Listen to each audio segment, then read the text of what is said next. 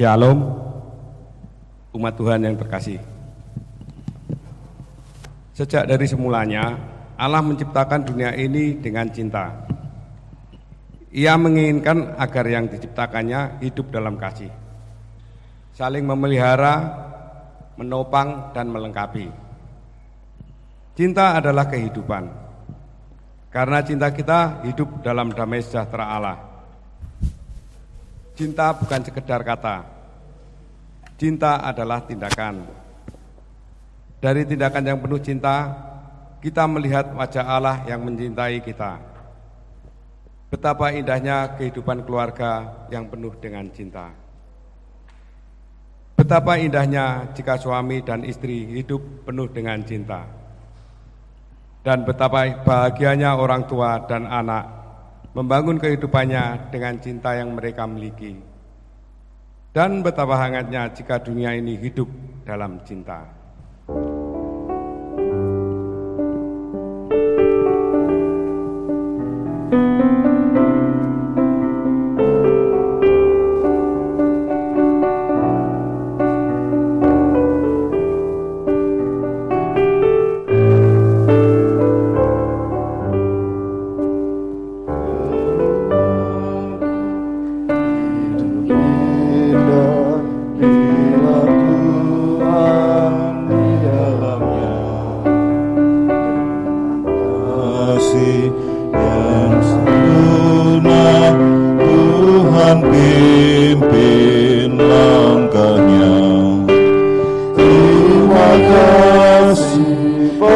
amor.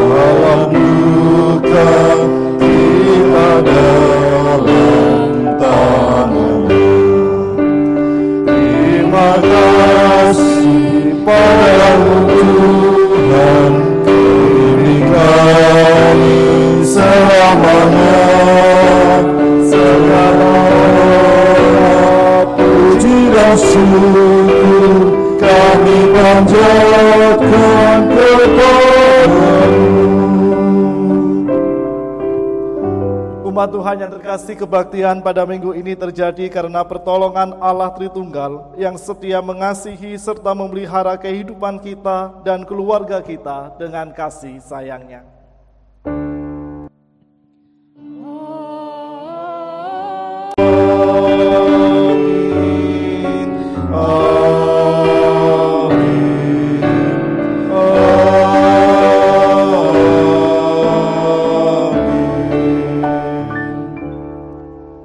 Damai sejahtera Allah Tritunggal beserta saudara sekalian. Dan besertamu juga.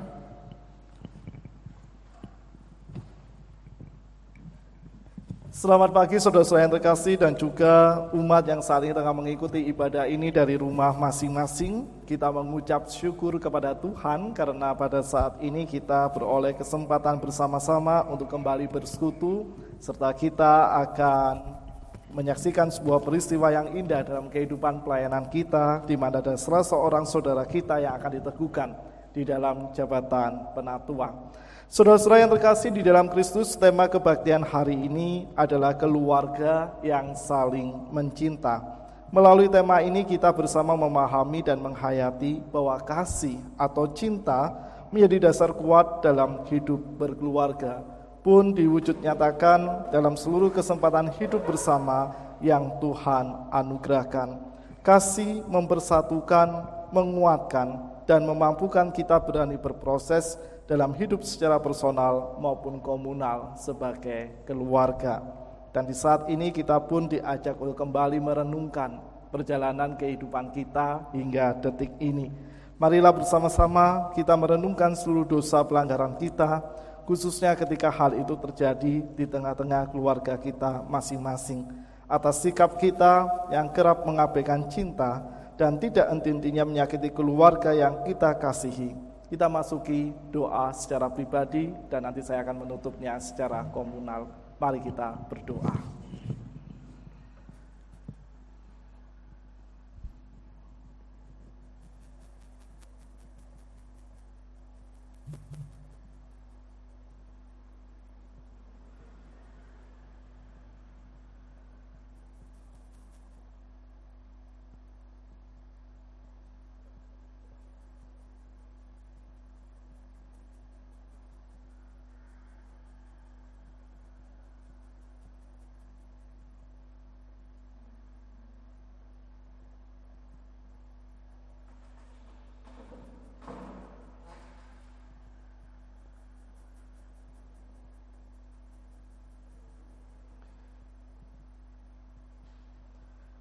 Bapak yang makasih, dalam kesempatan ini ya Tuhan kami membuka diri kami di hadapan-Mu dengan kerendahan hati dan juga kesediaan kami untuk mengakui segala kesalahan yang telah kami lakukan di sepanjang kehidupan kami.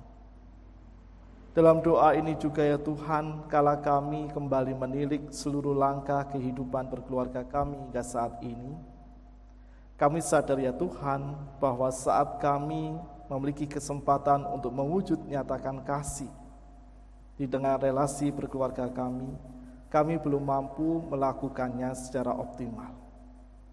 Bahkan kerap juga ya Tuhan, kami lebih mementingkan ego kami sendiri dibanding kesediaan kami untuk menghidupi dan mewujud nyatakan kasih-Mu itu. Begitu ya Bapak, kami memohon ampun atas segala kesalahan kami tersebut. Dan saat kami pun terus melihat bagaimana karya kasih pengampunanmu selalu merengkuh diri kami, kiranya itu yang akan terus menguatkan serta menyemangati kami untuk kami terus belajar ya Tuhan sedia menghidupi dan mewujud nyatakan kasih-Mu dalam perjumpaan kami dengan sesama, khususnya ketika kami hadir di tengah-tengah keluarga di mana Engkau menempatkan dan mengutus kami. Di dalam nama Tuhan kami Yesus Kristus, kami berserah dan kami memohon kekuatanmu. Amin. Umat diundang untuk berdiri. Bagi setiap kita yang siap sedia hidup dalam tuntunan kasihnya, terimalah anugerahnya melalui firmannya yang ditulis di dalam Mazmur 1 ayat 1 sampai dengan 2. Berbahagialah orang yang tidak berjalan menurut nasihat orang fasik, yang tidak berdiri di jalan orang berdosa, dan yang tidak duduk dalam kumpulan pencemooh. Tetapi yang kesukaannya ialah Taurat Tuhan, dan yang merenungkan Taurat itu siang dan malam Demikianlah berita anugerah dari Tuhan. Syukur kepada Allah. Kita ucapkan salam damai kepada sesama kita.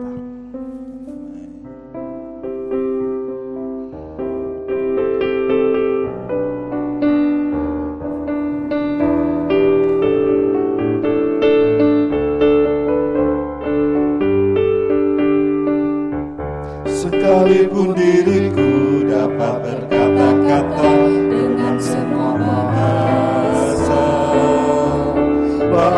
manusia dan bahasa malaikat Ataupun yang lainnya. Tapi tidak aku Tak mempunyai kasih Aku serupa gong yang menggema Dan anak yang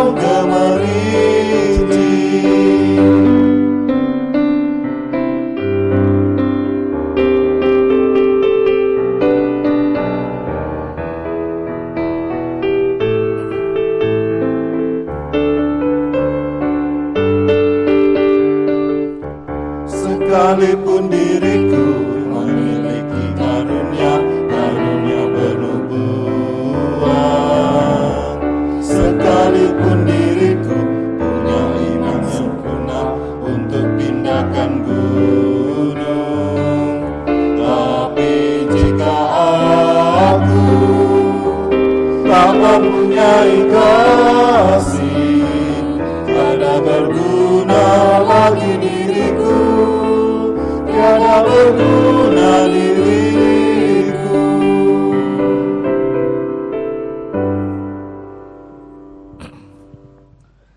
Saudara-saudara yang terkasih kita persiapkan hati dan pikiran kita untuk menyambut pemberitaan sabda Tuhan. Mari kita berdoa.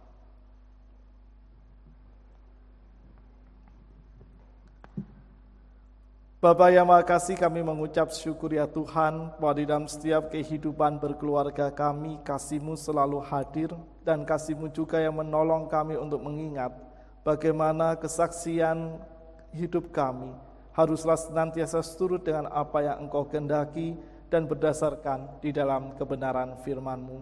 Itulah juga yang kami syukuri ya Tuhan dalam kesempatan pagi ini ketika kami bersama-sama memperoleh waktu untuk kembali membaca dan merenungkan sabdamu. Kiranya kasih kekuatan roh kudusmu dan hikmatmu ya Bapa yang akan menolong dan menuntun kami agar kami mampu memahami pesanmu serta kami hidupi dan kami wujud nyatakan dengan penuh sukacita di dalam seluruh kesempatan hidup yang Engkau anugerahkan. Di dalam nama Tuhan kami Yesus Kristus, kami siap menerima sabdamu. Amin. Saudara-saudara yang terkasih, pembacaan firman Tuhan pada saat ini diambil dari Injil Matius 22 ayat 34 sampai dengan 40.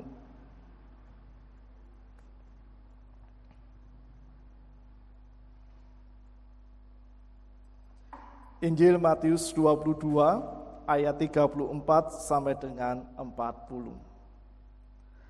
Ketika orang-orang Farisi mendengar bahwa Yesus telah membuat orang-orang Saduki itu bungkam, berkumpullah mereka dan seorang dari mereka, seorang ahli Taurat, bertanya untuk mencobai dia. Guru, hukum manakah yang terutama dalam hukum Taurat? Jawab Yesus kepadanya, Kasihilah Tuhan Allahmu dengan segenap hatimu dan dengan segenap jiwamu dan dengan segenap akal budimu Itulah hukum yang terutama dan yang pertama. Dan hukum yang kedua yang sama dengan itu ialah kasihilah sesamamu manusia seperti dirimu sendiri. Pada kedua hukum inilah tergantung seluruh hukum Taurat dan kitab para nabi. Demikianlah pembacaan firman Tuhan, berbahagialah setiap kita yang senantiasa mendengarkan firman Tuhan, memelihara dengan melakukannya di dalam kehidupan kita sehari-hari. Haleluya. Saudara-saudara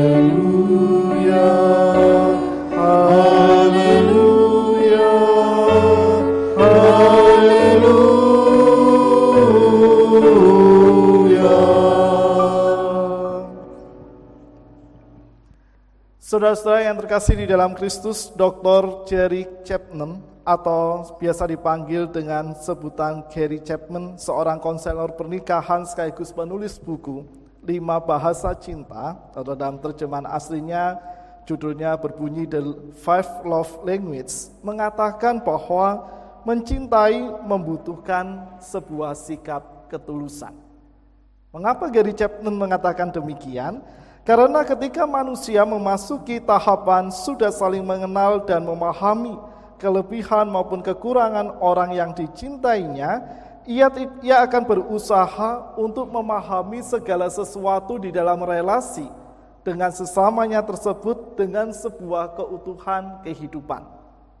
Bagi saudara-saudara yang sudah menjalani kebaktian peneguhan dan pemberkatan pernikahan, tentu dalam janji pernikahan itu di sana dituliskan bahwa kita akan menerima pasangan kita dalam segala situasi dan kondisi yang dihadapi kita akan menerima kehidupan setiap pasangan kita dengan semua kelebihan dan kekurangan yang dialami.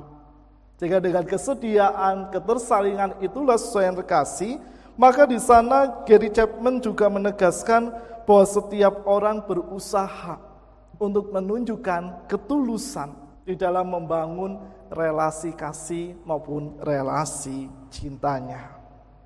Dan untuk memasuki tahap itu yang terkasih, memang proses untuk mengalami kesediaan saling mendukung dan saling menerima menjadi sebuah hal yang emang harus diperjuangkan bersama. Tidak hanya dalam satu pihak saja, tetapi di semua pihak yang terlibat dalam relasi kasih dan relasi cinta itu. Dan lebih lanjut, supaya relasi kasih itu mampu tetap terjaga serta terawat dengan baik di dalam kesediaan saling mendukung dan saling menerima, Chapman menegaskan bahwa setiap orang memiliki cara tersendiri dalam mengasihi dan dikasihi. Di dalam bukunya itu, guna menjembatani realita di mana setiap orang memiliki cara tersendiri dalam mengasihi dan dikasihi, Chapman menawarkan ada lima alternatif dalam mengungkapkan ekspresi bahasa kasihnya. Itulah yang mendasari Chapman menuliskan judulnya Five Love Language atau lima bahasa cinta. Lima hal itu adalah yang pertama kata-kata afirmasi. Kata-kata afirmasi di sini adalah kata-kata untuk saling membangun, saling menguatkan, saling menghargai, saling memotivasi supaya relasi kasih itu tetap terawat dan terjaga dengan baik. Kita kan kalau bersama dengan orang-orang yang kita kasihi dan kita dan mengasihi kita, tentu kita berusaha untuk bagaimana menjaga relasi itu dengan menghargai setiap hal yang telah dilakukan oleh orang yang mengasihi kita, minimal kita selalu akan memunculkan terima kasih ya. Kalau dalam pasangan suami istri, bisa dikatakan terima kasih ya sudah membuatin sambal yang enak.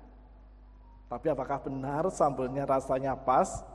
Belum tentu saya terkasih. Tetapi ketika kita menghargai proses yang telah dilakukan oleh pasangan kita di dalam hal yang sederhana, maka di sana kita belajar juga untuk menghargai apa yang telah dilakukan. Dan kalimat penghargaan itu akan memotivasi dan akan menyemangati untuk pasangan kita melakukan yang terbaik atau yang lebih baik di dalam kehidupan mereka. Demikian juga dalam komunitas kita sebagai keluarga, baik di tengah keluarga inti kita maupun juga di dalam kita sebagai gereja. Di sana pun ketika kita senantiasa mengucapkan kalimat-kalimat afirmasi terhadap tindakan-tindakan maupun hal-hal yang menunjukkan cara orang mengasihi dan mencintai kehidupan kita, maka di sanalah kita berusaha juga untuk saling memotivasi dan menyemangati satu sama lain. Yang kedua, saya yang terkasih, hal yang ditawarkan Chapman adalah bagaimana membangun waktu yang berkualitas atau quality time. Itulah mengapa setiap keluarga pasti memiliki jam rekreasi. Setiap komunitas pasti memiliki waktu di mana menarik diri dari rutinitas dan kesibukan kegiatan pekerjaan maupun pelayanan untuk bersama-sama membangun waktu yang berkualitas. Mengapa waktu berkualitas ini penting?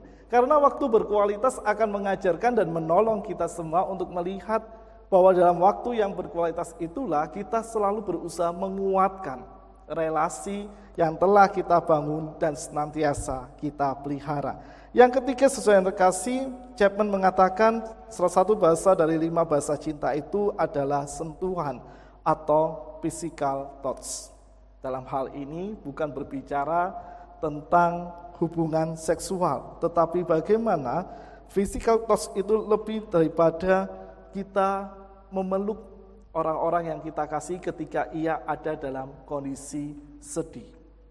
Saudara, pelukan itu eh, pelukan atau rangkulan atau ketika kita memegang pundak orang-orang yang kita kasih dan mengasihi kita dan ia berada dalam situasi yang berat yang harus ia alami itu akan memberikan sebuah kekuatan akan memberikan sebuah semangat akan memberikan sebuah kesediaan untuk bangkit dari kesedihan maupun situasi berat yang ia alami.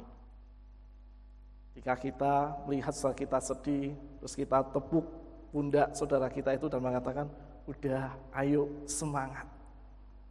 Tepukan pertama itu saudara terkasih yang akan memberikan rasa nyes di dalam hati dan dirinya, diri orang itu, sehingga itu akan melahirkan sebuah kekuatan baru untuk, ya, aku bisa bangkit dari permasalahan, dari kesedihan maupun situasi berat yang aku alami. Hal yang keempat adalah memberi atau menerima hadiah. Ini hampir sama sebenarnya dengan kita mengatakan kata-kata afirmasi kepada sesama kita. Tetapi di dalam wujud yang sangat real dan wujud yang sangat nyata dengan benda yang kita berikan. Dan yang terakhir sesuai yang terkasih ini yang menarik yang ditawarkan oleh Chapman bagaimana salah satu bahasa cinta itu adalah kesediaan untuk saling melayani atau acts of service. Kita diajak untuk saling melayani di dalam relasi kasih kita. Kita ditekankan untuk saling melayani dalam segala situasi dan kondisi yang kita alami sehingga dengan itulah kita akan belajar juga untuk melihat bagaimana kehadiran orang-orang yang kita kasih dan mengasihi kita yang diberikan oleh Allah di dalam kehidupan kita.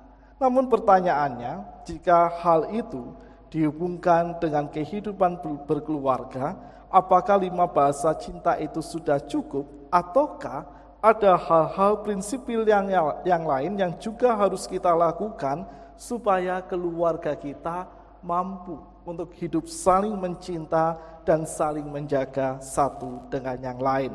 Saudara-saudara yang terkasih di tengah perkembangan zaman dan teknologi yang kian pesat ini kita harus menyadari bahwa keluarga pun juga memiliki tantangan serta pergumulan yang bersifat kompleks. Di internet itu banyak sekali beredar gambar-gambar yang menunjukkan pola relasi di tengah-tengah kehidupan keluarga masa kini di dunia digital yang berkembang sedemikian pesat. Bang Rika mempersiapkan balik ini, saya tertarik dengan sebuah gambar. Tentu Bapak Ibu dan saya terkasih pernah melihatnya ada satu keluarga ada ayah, ibu, anak laki-laki, anak perempuan, dan seekor anjing yang terkasih, eh, anjing peliharaan keluarga itu, dan mereka itu megang gadget satu-satu. Jadi ayahnya pegang gadget, ibunya pegang gadget, anaknya yang laki-laki pegang gadget, yang perempuan pegang gadget, dan sampai binatang peliharaannya pun juga asik bermain gadget. Biasanya kan kalau kita kumpul ada hewan peliharaan kan kita senang itu kan bermain dengan hewan keluarga hewan peliharaan kita dan kita mencoba memanfaatkan waktu itu sebagai waktu yang berkualitas. Dan ketika pertama kali melihat gambar itu, saya tertawa, saya terkasih. Karena ini kok lucu ya, kalau biasanya ditampilkan tuh cuman keluarga manusia. Ini sampai hewan peliharaannya itu juga memiliki gadget dan sibuk dengan gadget itu. Tetapi gambar, di, gambar tersebut sebenarnya adalah kritik sekaligus penyadar bagi kita betapa gawai yang setiap orang saat ini sebagian besar memiliki secara pribadi seakan-akan itu sudah dalam tanda kutip merenggut kehangatan kasih keluarga kita sampai setiap anggota keluarga itu asik dengan dunianya sendiri-sendiri. Saya harapkan kita semua tidak berada dalam situasi itu. Tetapi realita dalam kehidupan masa kini seperti itu saya terkasih. Ketika setiap orang sibuk dengan gawainya, ketika setiap anggota keluarga sibuk dengan kecanggihan yang dimiliki dalam gadgetnya itu, maka kecenderungannya setiap anggota keluarga itu akan asik dengan dunia sendiri-sendiri, bahkan bisa jadi akan abe dengan situasi yang ada di sekitarnya. Tidak ada yang salah sebenarnya dengan kecanggihan te teknologi saat ini. Asalkan kita bijaksana di dalam menggunakannya. Tidak ada yang salah ketika kita ingin asik dengan privasi atau dunia kita sendiri, asalkan itu pun dikelola dengan bijaksana. Dan jika kita telusuri lebih dalam, tak hanya gawai sebenarnya yang mampu merenggut kehangatan kasih di tengah keluarga, ada banyak hal lain yang kadang-kala membuat kita asik sendiri yang dapat menjadi faktor-faktor penyebabnya. Dan melanjutkan pertanyaan saya yang di awal tadi, bagaimana kita menyikapi, mengolah, dan mengatasi fenomena dan realita yang terjadi di tengah-tengah keluarga masa kini tersebut. Saudara-saudara, Injil Matius 22 ayat 34 sampai dengan 40 adalah teks yang kita kenal secara luas dan menjadi dasar atau hukum dalam mewujudkan kasih di kehidupan kita sehari-hari. Teks ini berbicara tentang mengasihi dalam dua sisi, mengasihi Tuhan dan mengasihi sesama. Saya tidak perlu dengan lengkap menjelaskan latar belakang teks ini karena saya yakin saudara-saudara sekalian pasti sudah tahu di dalam pemahaman Alkitab maupun juga dalam kesempatan-kesempatan perenungan di kebaktian-kebaktian yang lalu pasti latar belakang teks ini sudah dikupas dengan baik. Tetapi satu dua hal yang perlu kita pahami dari teks ini saudara yang terkasih, bagaimana kita mewujudkan kasih itu secara seimbang di dalam kehidupan kita sehari-hari. Kita lihat ayat yang ke-37. Ketika Kristus mengatakan, Kasihilah Tuhan Alamu dengan segenap hatimu dan dengan segenap jiwamu dan dengan segenap akal budimu. Kalau kita melihat teks kalimat ini saya yang terkasih, ayat 37 itu adalah rangkuman dari 10 perintah Allah yang diberikan Allah kepada Musa, khususnya di hukum yang pertama sampai dengan yang keempat. Bagaimana umat ditegaskan oleh Allah melalui Musa saat itu untuk membangun relasi yang kuat dengan Allah karena mereka baru saja meninggalkan penjajahan di tanah Mesir, perbudakan di tanah Mesir, dan tentu mereka juga mengalami situasi yang berbeda. Setelah sekian ratus tahun mereka berada di tanah Mesir, tentu keimanan kepada Tuhan pasti akan terpengaruh oleh hal-hal yang ada di sekitar mereka, bahkan bisa jadi mereka mendapatkan paksaan-paksaan di tanah Mesir untuk menyembah Allah-Allah bangsa Mesir. Dan di dalam konteks itulah mengapa Allah menekankan untuk mereka umat Israel harus membangun relasi yang kuat dengan Allah pasca mereka meninggalkan Mesir. Dan kalau kita runut perjalanan mereka dari Mesir sampai dengan Kanaan sesuai terkasih, maka semua peristiwa dan pengalaman yang terjadi yang dialami oleh bangsa Israel itulah yang akhirnya membuat bangsa Israel sadar mengapa mereka harus membangun relasi yang kuat dengan Allah dalam kehidupan mereka. Mengapa mereka harus belajar untuk selalu berjuang mengasihi Allah dalam segala situasi dan kondisi yang mereka alami. Kadangkala mereka bosan dengan ketaatan mereka kepada Allah, kadangkala mereka terjatuh dalam godaan untuk meninggalkan Allah dan lebih memilih benda-benda yang terlihat yang dianggap memiliki kuasa yang mampu menolong mereka.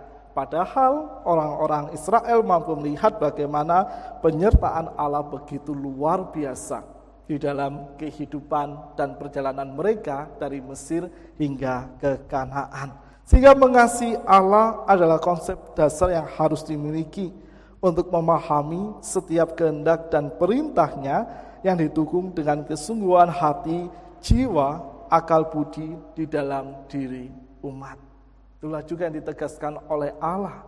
Maaf oleh Tuhan Yesus ketika Tuhan Yesus berhadapan dengan orang-orang Farisi dan ketika mereka bertanya hukum mana yang terutama di dalam kehidupan mereka. Kristus tahu bahwa pertanyaan itu adalah pertanyaan jebakan, saudara kasih. Sehingga ia perlu menegaskan bahwa ketika Kristus melihat bagaimana taatnya orang-orang Farisi dan para ahli Taurat dalam apa ya menghidupi dan melakukan semua perintah dalam hukum Taurat itu, tetapi Kristus tahu bahwa mereka itu memiliki kecenderungan hanya sebatas melaksanakan tanpa mencoba menarik dan merefleksikan makna apa yang terbaik yang harus mereka lakukan dan dihidupi dari semua hukum yang diterbitkan oleh Tuhan di dalam kehidupan mereka. Kadangkala mereka hanya melakukan hukum itu untuk memuaskan keinginannya sendiri tanpa memahami sebenarnya kehendak Allah bagaimana melalui hukum itu kepada umat dan kepada orang-orang di masa Kristus hidup. Sehingga ketika Kristus menegaskan kasihlah Tuhan Allahmu dengan segenap hatimu, jiwamu, dan juga dengan segenap akal budimu, Kristus mengajak bahwa orang-orang Israel dan setiap murid Kristus diajak untuk memiliki keselarasan pikiran, perkataan, dan tindakan dalam mewujudkan tindakan mengasihi Allah dengan keutuhan diri dan keseluruhan hidup yang dianugerahkan oleh Allah. Kasih yang menjadi sebuah perintah ini harus dilakukan secara total. kepada Allah dalam relasi umat dengan Allah. Kasih yang menguasai emosi seseorang, kasih yang mengarahkan semua pikiran seseorang, kasih yang merupakan dinamika tindakan seseorang yang terwujud dalam sebuah komitmen total untuk taat dan terbuka secara penuh kepada semua kehendak dan rencana Allah di dalam kehidupannya. Dan konsep dasar ini harus dipahami dengan sungguh-sungguh oleh setiap orang yang bersedia hidup di dalam kebenaran dan tuntunan kasih Allah. Karena dengan kesediaan itulah orang umat akan bisa memahami, oh begini toh cara Allah mengasihi aku. Oh begitu luar biasa bagaimana penyertaan Allah, penyertaan Tuhan di dalam kehidupanku. Sehingga aku pun harus berusaha untuk bagaimana membangun relasi yang dekat dengan Allah dengan kesediaan kita hidup di dalam kehendaknya. Poin yang kedua, saya yang terkasih, yang ada di ayat yang ke-39, kasihilah sesamamu manusia seperti dirimu sendiri. Dan ini adalah rangkuman dari hukum yang kelima sampai dengan yang ke-10. Dan tidak ada perbedaan dalam penegasan tentang wujud nyata kasih yang diajarkan oleh Kristus karena perintah mengasihi sesama lahir dari kesungguhan kita mengasihi Allah dalam relasi kita dengan Allah secara pribadi. Maka jika ditarik di dalam kehidupan sehari-hari selain kasih, mengasihi Allah dan sesama manusia ini bukanlah sebuah perasaan yang samar-samar, melainkan sebuah komitmen penuh yang diwujudkan dalam kesediaan kita untuk bersekutu dengan Allah dan juga kita bersekutu dengan sesama manusia. Itulah mengapa kasih itu selalu dilambangkan atau dianalogikan dengan teologi salib. Karena di sinilah kita bisa menemukan arti kasih yang sesungguhnya. Kita membangun relasi kasih dengan Allah, dengan palang yang ke atas, tetapi sekaligus kita membangun relasi kasih kita dengan sesama yang digambarkan dengan palang yang horizontal. Dan itu terjadi karena pengorbanan dan kesediaan Kristus selalu mengasihi dan menyayangi kehidupan kita. Kristus menunjukkan bagaimana di sepanjang kehidupannya bersama dengan para murid dan juga kepada setiap sesama yang ia jumpai, ia mewujudkan sebuah keseimbangan dalam mengasihi ia tidak hanya berfokus mengasihi kepada Allah, tetapi juga ia bersedia mewujud nyatakan keterfokusan kasihnya kepada Allah itu dengan mengasihi orang-orang yang ada di sekitarnya. Dan hal yang perlu kita ingat selain kasih, jauh sebelum kita menyatakan kasih kepada Allah, ia telah lebih dahulu mengasihi kita dalam kehidupan pribadi maupun keluarga. Dan di dalam bingkai kasih Allah itulah kita dibentuk untuk menjadi pribadi-pribadi yang bersedia mengasihi sesama dan orang-orang yang kita jumpai di dalam kehidupan kita sehari-hari. Maka dalam tradisi pertumbuhan gereja mula-mula itulah mengapa kita bisa menemukan bagaimana para rasul dan juga murid-murid Kristus yang lain selalu memperjuangkan kasih dalam mengembangkan, menumbuhkan dan juga memelihara kehidupan jemaat mula-mula. Jadi kasih kepada Allah dapat kita nyatakan dalam kehidupan kita sehari-hari lewat kesediaan kita yang pertama menghadirkan kasih itu di tengah-tengah keluarga kita lalu berkembang lebih luas dengan tetangga kita dengan orang-orang yang hidup dekat dengan kita, lebih luas lagi dalam komunitas pelayanan, dalam kehidupan bergereja kita, dan lebih luas lagi ketika kita hadir di tengah-tengah masyarakat di mana Tuhan mengutus dan menempatkan kita saat ini. Bila kasih kepada Allah tidak diwujud nyatakan dalam kasih kepada sesama, kasih kepada Allah tidak akan pernah utuh.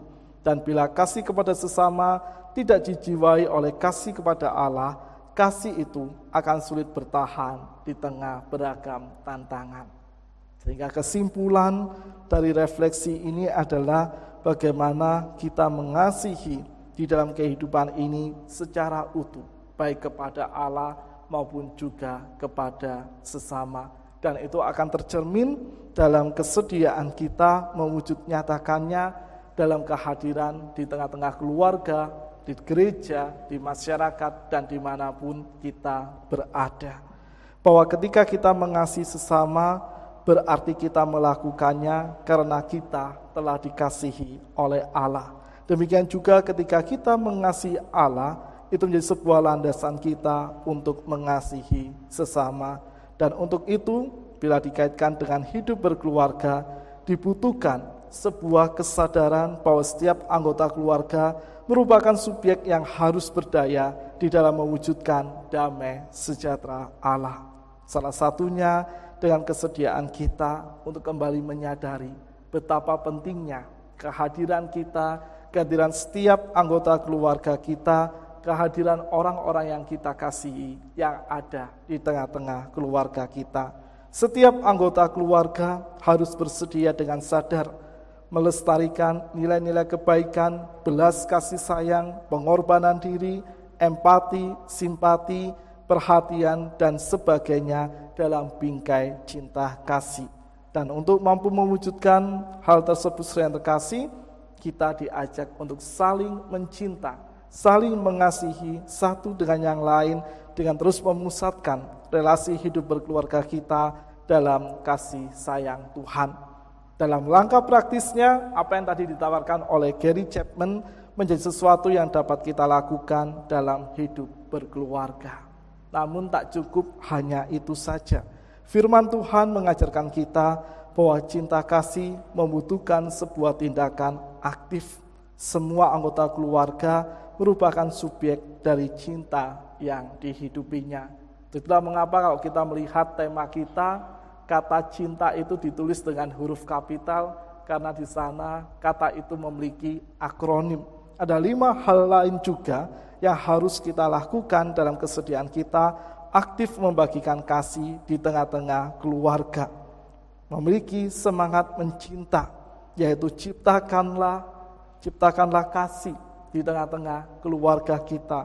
Introspeksilah, i, introspeksilah. Kalau kita mungkin berbuat tidak sesuai dengan apa yang diharapkan atau mungkin tindakan kita menyakiti anggota keluarga kita nyatakanlah kasih dalam semua kesempatan dan perjumpaan di kehidupan kita sehari-hari. Terimalah setiap kelebihan dan kekurangan di tengah-tengah hidup relasi berkeluarga kita dan terus ajaklah keluarga kita untuk mengasihi Tuhan, mengasihi sesama dan menciptakan iklim yang penuh dengan kasih sayang di tengah-tengah keluarga kita. Sehingga dengan demikian kita dapat terus melatih semua cinta agar hidup dalam keseharian kita selalu berdampak positif dan juga menghadirkan kasih sayang Tuhan di dalam perkataan maupun tindakan kita. Ketika saat ini dalam kebaktian ini pun kita akan menyaksikan peristiwa yang begitu indah dalam hidup bergereja sebagai sebuah keluarga dan juga dalam kehidupan dengan sesama kita yaitu salah seorang saudara kita akan diteguhkan dalam jabatan penatua. Kehadiran kita ini pun menjadi bukti bagaimana kita mencinta, bagaimana kita mengasihi, dan bagaimana kita selalu mendukung saudara-saudara kita yang menyediakan, menyediakan dirinya untuk mengambil bagian dalam pelayanan di jabatan kepenatuaan. Dan tentu ini jadi sebuah hal yang menyukacitakan bagi kehidupan kita karena di sana kita bisa menemukan bagaimana Tuhan memelihara gerejanya dan Tuhan selalu memberikan kasih sayang terbaik di tengah-tengah kehidupan bergereja kita. Marilah kita terus menjadi sesama yang saling mencinta satu sama lain. Kiranya damai, sukacita, dan kasih sayang Kristus yang akan selalu memperlengkapi dan menolong kesediaan kita untuk saling mengasihi. Amin. Mari kita bersaat ini.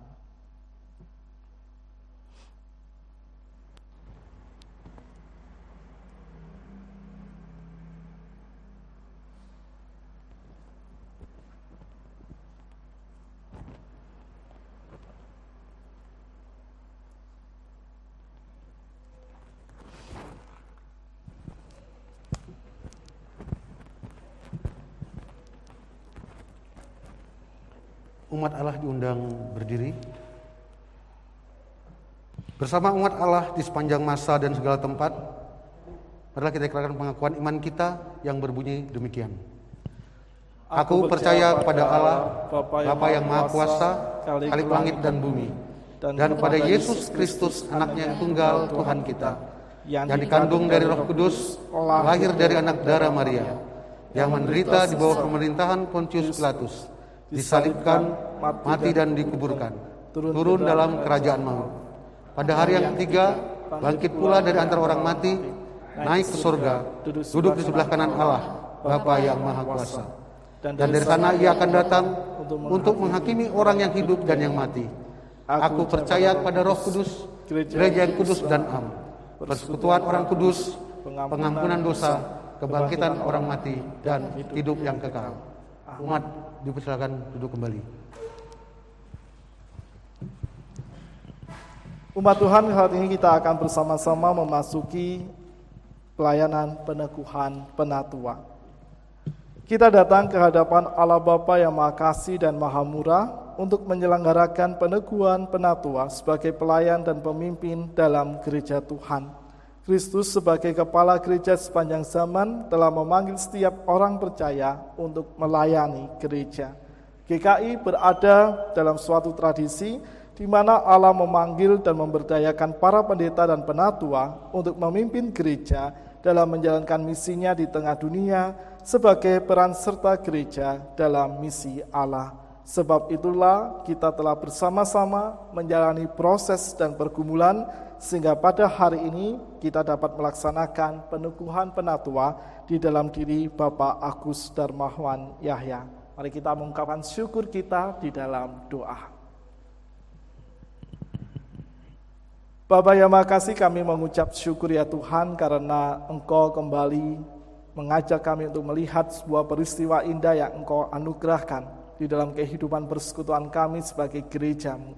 Di mana salah seorang saudara kami, Bapak Agus Darmawan Yahya telah menyatakan kesediaan komitmennya untuk diteguhkan sebagai penatua dalam kesempatan hari ini. Untuk itulah ya Tuhan, tolonglah dan sertailah setiap pernyataan kesediaannya agar pernyataan itu tak hanya sekedar menjadi ungkapan kata tetapi lahir dari kesungguhan saudara kami dan juga kesediaan kami sebagai jemaatmu untuk terus memberikan dukungan yang terbaik. Inilah segala syukur kami di dalam nama Tuhan kami Yesus Kristus kami berdoa. Amin. Saya undang Bapak Agus Darmawan Yahya untuk berdiri dan menempati posisi yang telah disediakan.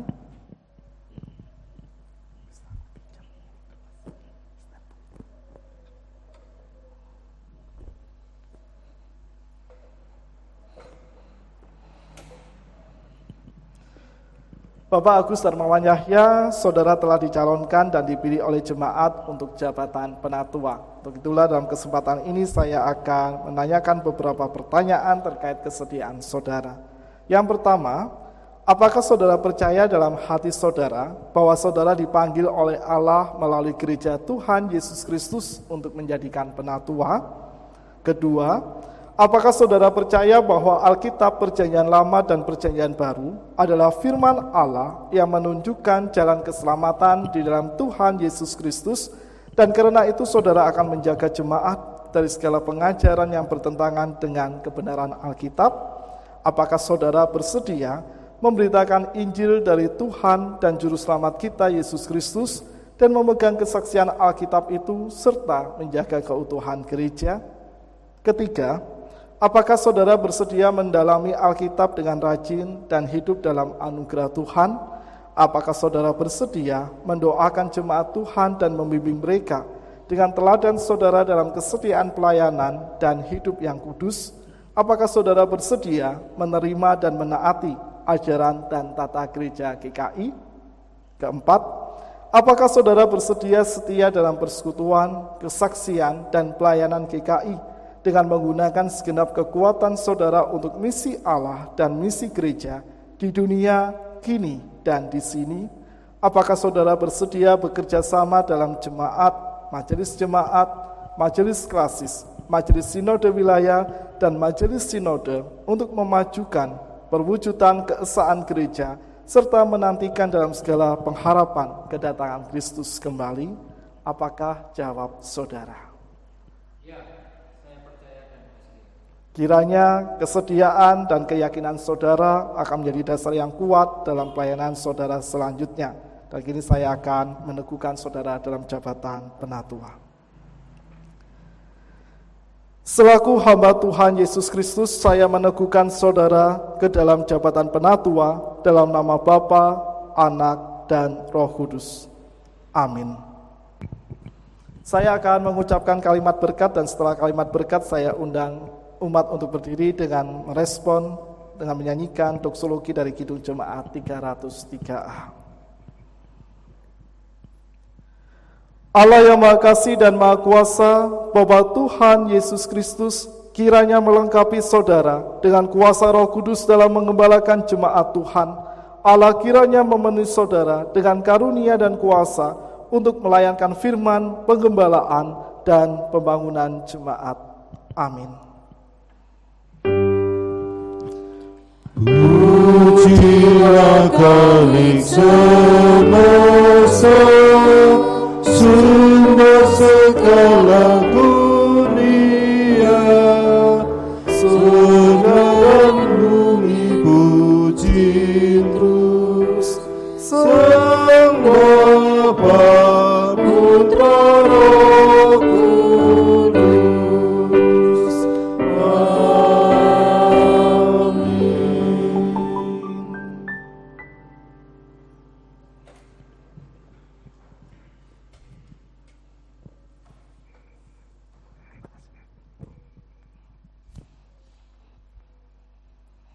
Saudara-saudara kita telah menyaksikan pelayanan peneguhan penatua dalam diri penatua Agus Dermawan Yahya. Kiranya kita sebagai jemaat Tuhan, sebagai rekan sepelayanan, dan juga sebagai sahabat dan saudara akan mampu terus memberikan dukungan terbaik kita kepada penatua Agus Dermawan Yahya.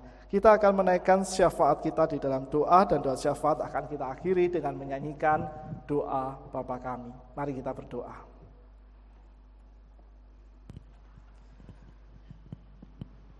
Bapa yang Maha Kasih kami bersyukur kepadamu ya Tuhan karena Engkau telah memanggil kami menjadi sahabat-sahabatmu. Engkau telah memanggil kami menjadi bagian dari kerajaanmu, serta Engkau memanggil kami untuk selalu setia mengabarkan dan menceritakan semua kasih sayangmu dalam kehidupan dan perjumpaan kami dengan sesama, bahkan dengan seluruh ciptaan.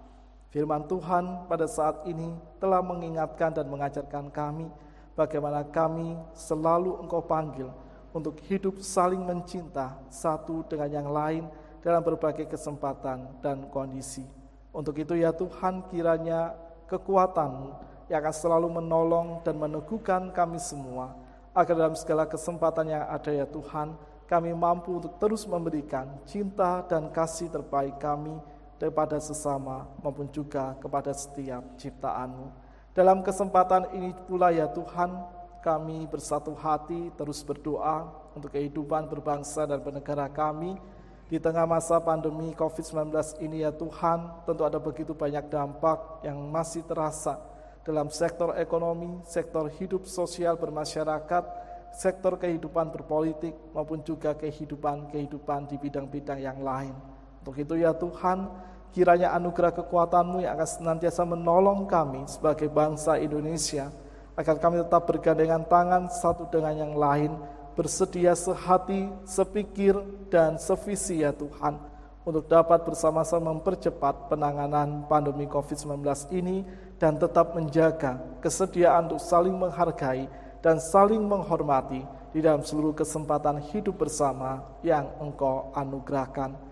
Kiranya Engkau juga akan memberkati pemerintahan negara kami ya Tuhan, di tengah segala upaya yang terus mereka perjuangkan. Kiranya kasih setiamu yang akan selalu menolong dan memimpin mereka, agar dalam segala kesempatan itu ya Tuhan, kiranya pemerintahan negara kami tetap memiliki kebijaksanaan terbaik dalam menyejahterakan kehidupan bermasyarakatnya. Kami juga bersyukur ya Tuhan, sebagai gerejamu kami telah menyaksikan peneguhan penatua di dalam diri penatua Agus Dermawan Yahya. Kami bersyukur bahwa semua ini terjadi karena anugerah dan kasih sayangmu yang selalu Engkau berikan di tengah-tengah kehidupan bergereja kami. Untuk itu ya Tuhan, kiranya kami sebagai umatmu akan mampu belajar untuk memberikan dukungan yang terbaik pada semua pelayanmu dan kami juga akan belajar untuk senantiasa saling mengakrabkan dan mengikatkan diri kami dalam ikatan persekutuan sebagai sebuah keluarga di tengah-tengah jemaat di mana Engkau menempatkan dan mengutus kami. Demikian juga ya Tuhan untuk kerinduan kami akan kebaktian secara tatap muka yang terus kami proses dan kami persiapkan, kiranya Engkau akan senantiasa menolong dan memimpin tim yang saat ini tengah mempersiapkan segala sesuatunya, yang sedang mengevaluasi dan juga akan memberikan sosialisasi kepada anggota jemaatmu terkait kebaktian tatap muka. Dan kiranya Tuhan hikmatmu yang akan turun atas tim ini sehingga segala hal yang dipersiapkan akan mampu menolong umatmu untuk memahami dengan baik bagaimana menjalankan protokol kesehatan di tengah masa pandemi ini ketika kebaktian secara tatap muka akan dimulai. Kami juga menyerahkan kan seluruh persiapan program kerja di tahun 2021 ya Tuhan, kiranya hikmatmu juga akan menolong setiap pelayan-pelayanmu yang ada akan mampu mempersiapkan dan mengelola program kerja tersebut dengan baik dan kontekstual sesuai dengan apa yang kami alami di tengah-tengah kehidupan bermasyarakat saat ini. Kami juga berdoa untuk saudara-saudara kami yang tengah ada dalam kondisi lemah tubuh ya Tuhan, kiranya Engkau juga akan selalu memberikan kekuatan, pengharapan dan semangat di tengah kehidupan mereka agar dalam segala kelemahan dan rasa sakit dalam tubuh mereka yang saat tengah dialami, mereka tetap sabar dan mereka selalu berserah dan hanya mengandalkan Engkau. Kiranya obat-obatan dan setiap perawatan medis yang diberikan akan mampu menjadi perantaraan karya kesembuhanmu ya Tuhan yang akan selalu nyata dan terjadi dalam diri saudara-saudara kami yang ada dalam kondisi lemah tubuh. Kami juga berdoa untuk setiap pergumulan kami pribadi lepas pribadi ya Tuhan. Di tengah-tengah dampak yang terjadi akibat pandemi COVID-19 ini ya Tuhan, kami menyerahkan akan segala kehidupan perekonomian kami, kehidupan keluarga kami, kehidupan anak-anak kami, baik mereka yang sedang studi maupun mereka yang saat ini sedang bekerja dan sedang mencari pekerjaan, kehidupan pergumulan kami ya Tuhan, permasalahan-permasalahan yang mungkin saat ini menghimpit diri kami. Kiranya Tuhan, Engkau senantiasa menganugerahkan kekuatan dalam diri kami, agar kami mampu memproses segala pergumulan tersebut dan kami mampu hadir untuk menyemangati orang-orang yang mengasihi dan kami kasihi ya Tuhan agar kami senantiasa terus belajar bersama-sama bergandengan tangan dalam berproses di tengah segala pergumulan kami dan terkait kehidupan kami secara pribadi ya Tuhan kiranya Engkau yang akan senantiasa menopang kami agar iman kami tetap setia di dalam Engkau dan kami selalu belajar terbuka dan berserah kepada kehendak-kehendak terbaik yang Engkau nyatakan dalam diri kami. Sesaat lagi kami akan undur dari tempat ini, kami akan berpisah satu sama lain, dan kami akan melanjutkan seluruh kehidupan dan liturgi sehari-hari ya Tuhan, kiranya anugerah kasih dan damai sejahtera-Mu yang akan senantiasa menopang dan menolong kami, agar dalam kesaksian kami, kami mampu memberitakan kasih sayang-Mu. Inilah segala ungkapan syukur dan seluruh permohonan kami ya Bapa yang kami ungkapkan di dalam nama Tuhan kami Yesus Kristus yang telah mengajar kami berdoa demikian. Bapa kami yang ada di surga,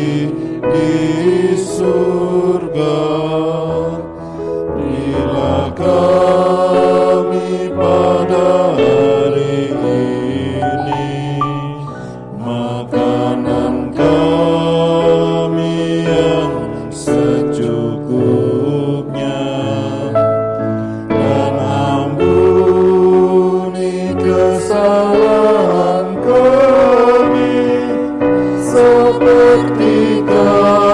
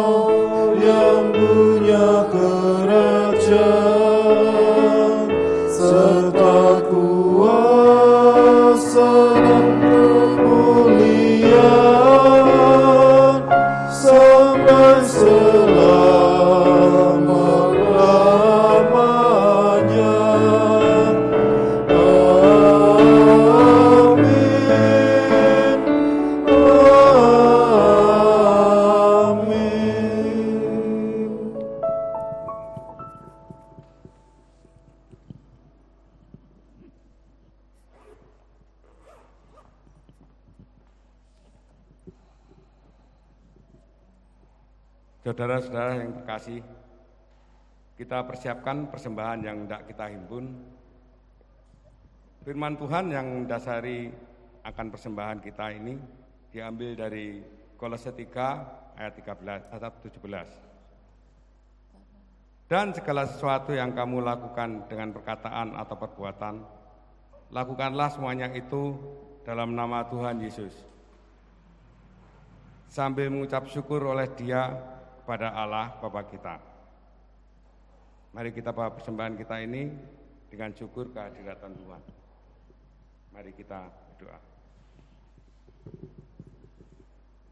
Allah Bapa kami yang bertata dalam kerajaan surga, puji dan syukur ya Tuhan, kalau Engkau telah pimpin jalannya kebaktian ini hingga saat ini ya Tuhan, dan pada kesempatan saat ini kami masih Kau berikan kesempatan untuk memberikan persembahan Kau kumpulkan persembahan ini ya Tuhan, biarlah persembahan ini yang dapat dipergunakan untuk pekerjaan-pekerjaanmu di tempat ini ya Tuhan.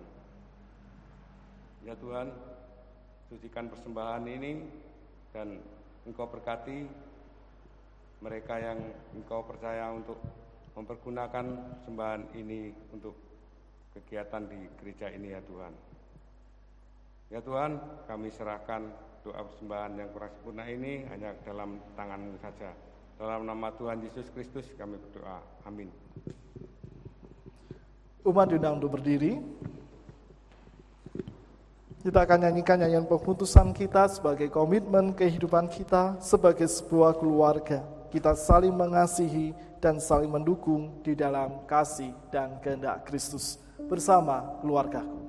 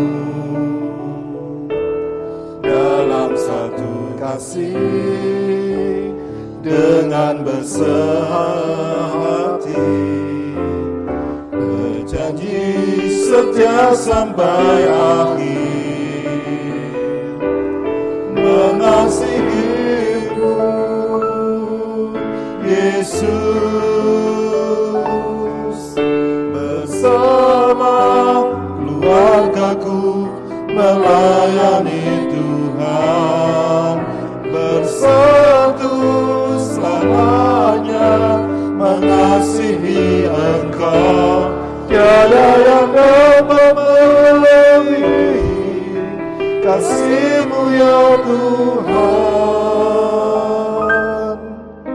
Bagi kami Engkau segalanya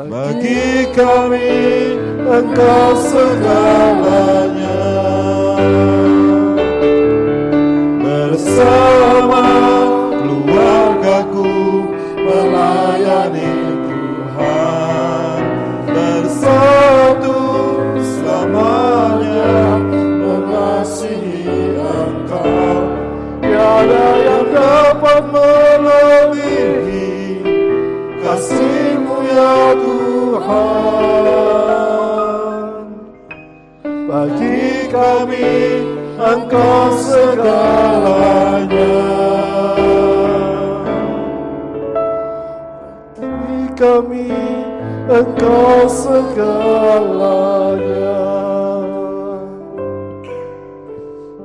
Untuk itu arahkanlah hatimu kepada Tuhan.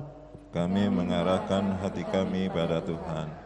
Teruslah bersaksi dengan menjadi keluarga yang saling mengasihi dan saling mendukung satu sama lain. Syukur pada Allah dan kami siap melakukannya. Terpujilah Tuhan. Kini dan selamanya. Umat Tuhan, lanjutkan seluruh langkah hidupmu dalam damai sejahtera dan terimalah berkatnya. Anugerah damai sejahtera dan berkat pemeliharaan Allah Tritunggal senantiasa memampukanmu untuk saling mengasihi sebagai keluarga dan mengarahkan hidup berkeluargamu di dalam kebenaran firman-Nya mulai kini sampai selama-lamanya. Haleluya. Amin. Selamat